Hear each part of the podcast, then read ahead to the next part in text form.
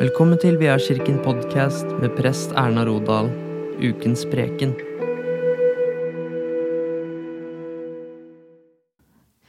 Vel møtt og god søndag. Vi er fremdeles i påsketiden, og i dag er vi kommet til fjerde søndag i påsketiden. Prekenteksten er henta fra evangeliet etter Johannes, kapittel 13 og vers 30 til 36 og du kan gjerne slå opp i Bibelen og lese sammen med meg hvis du har anledning til det. Da Judas hadde fått stykket, gikk han straks ut, det var natt. Da han var gått, sa Jesus, Nå ble menneskesønnen herliggjort, og Gud ble herliggjort gjennom ham. Og er Gud blitt herliggjort gjennom ham, skal Gud også herliggjøre han, og gjøre det snart. Mine barn, ennå en liten stund er jeg hos dere. Dere skal søke meg, men det jeg sa til jødene, sier jeg nå til dere også. Dit jeg går, kan dere ikke komme. Et nytt bud gir jeg dere. Dere skal elske hverandre som jeg har elsket dere, skal dere elske hverandre. Ved dette skal alle forstå at dere er mine disipler, at dere har kjærlighet til hverandre. Det er Judas, han som forrådte Jesus, det er snakk om her i starten på teksten. Når Jesus sier at menneskesønnen ble herliggjort ved at Judas gikk ut, mener Jesus at det er ved at Judas går ut og forråder han, at han sjøl skal dø, og ved sin død oppstandelse skal han bli herliggjort, og at Gud blir herliggjort gjennom Jesu død og oppstandelse. Jesus forsøker å forberede disiplene på det som skal skje, og at det er etter Guds plan og vilje. Så er det at Jesus gir disiplene et nytt bud. De kan ikke følge Jesus i døden, de må fortsette å leve i verden. For å veilede disiplene i den situasjonen som de vil komme opp i, og at de må leve som menighet mellom Kristi himmelfart og Jesu gjenkomst, så får de et nytt bud. Dere skal elske hverandre. I en viss grad og forstand så er ikke det et nytt bud. Det som gjør at budet er nytt, er at Jesus gir det ny kraft og ny motivasjon. Vi skal ikke elske bare for å oppfylle et etisk krav, men som følge av en erfaring av Jesu kjærlighet til oss. Som jeg har elsket dere, skal dere elske hverandre, sier Jesus.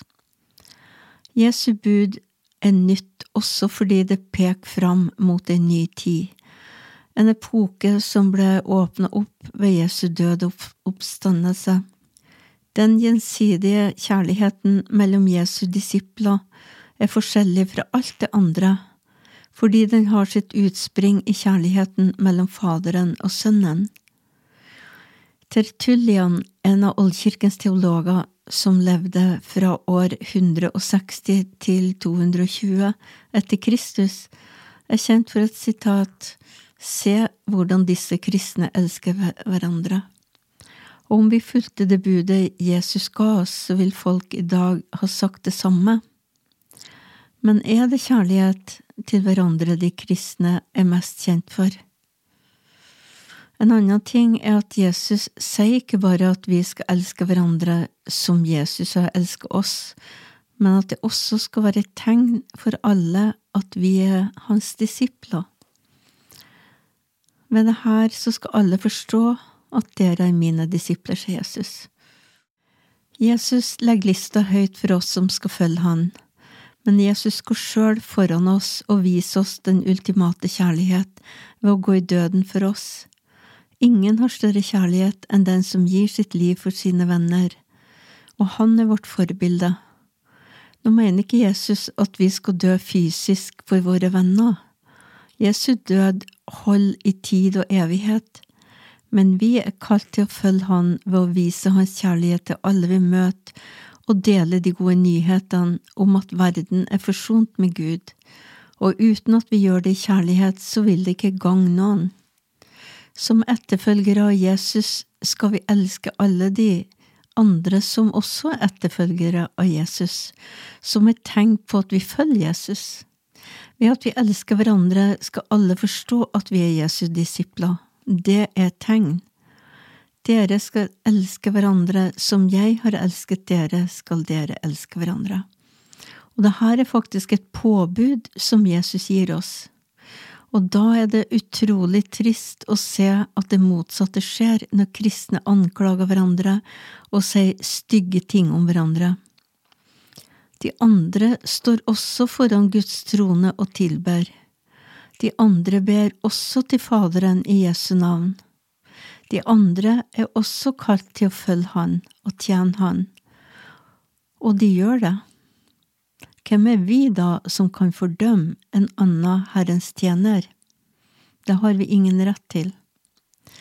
Nei, la heller Jesus forfylle oss rikelig med sin kjærlighet, så vi kan ha rikelig med kjærlighet til alle de vi møter. Det kan vi også be om, og det må jeg stadig sjøl be om.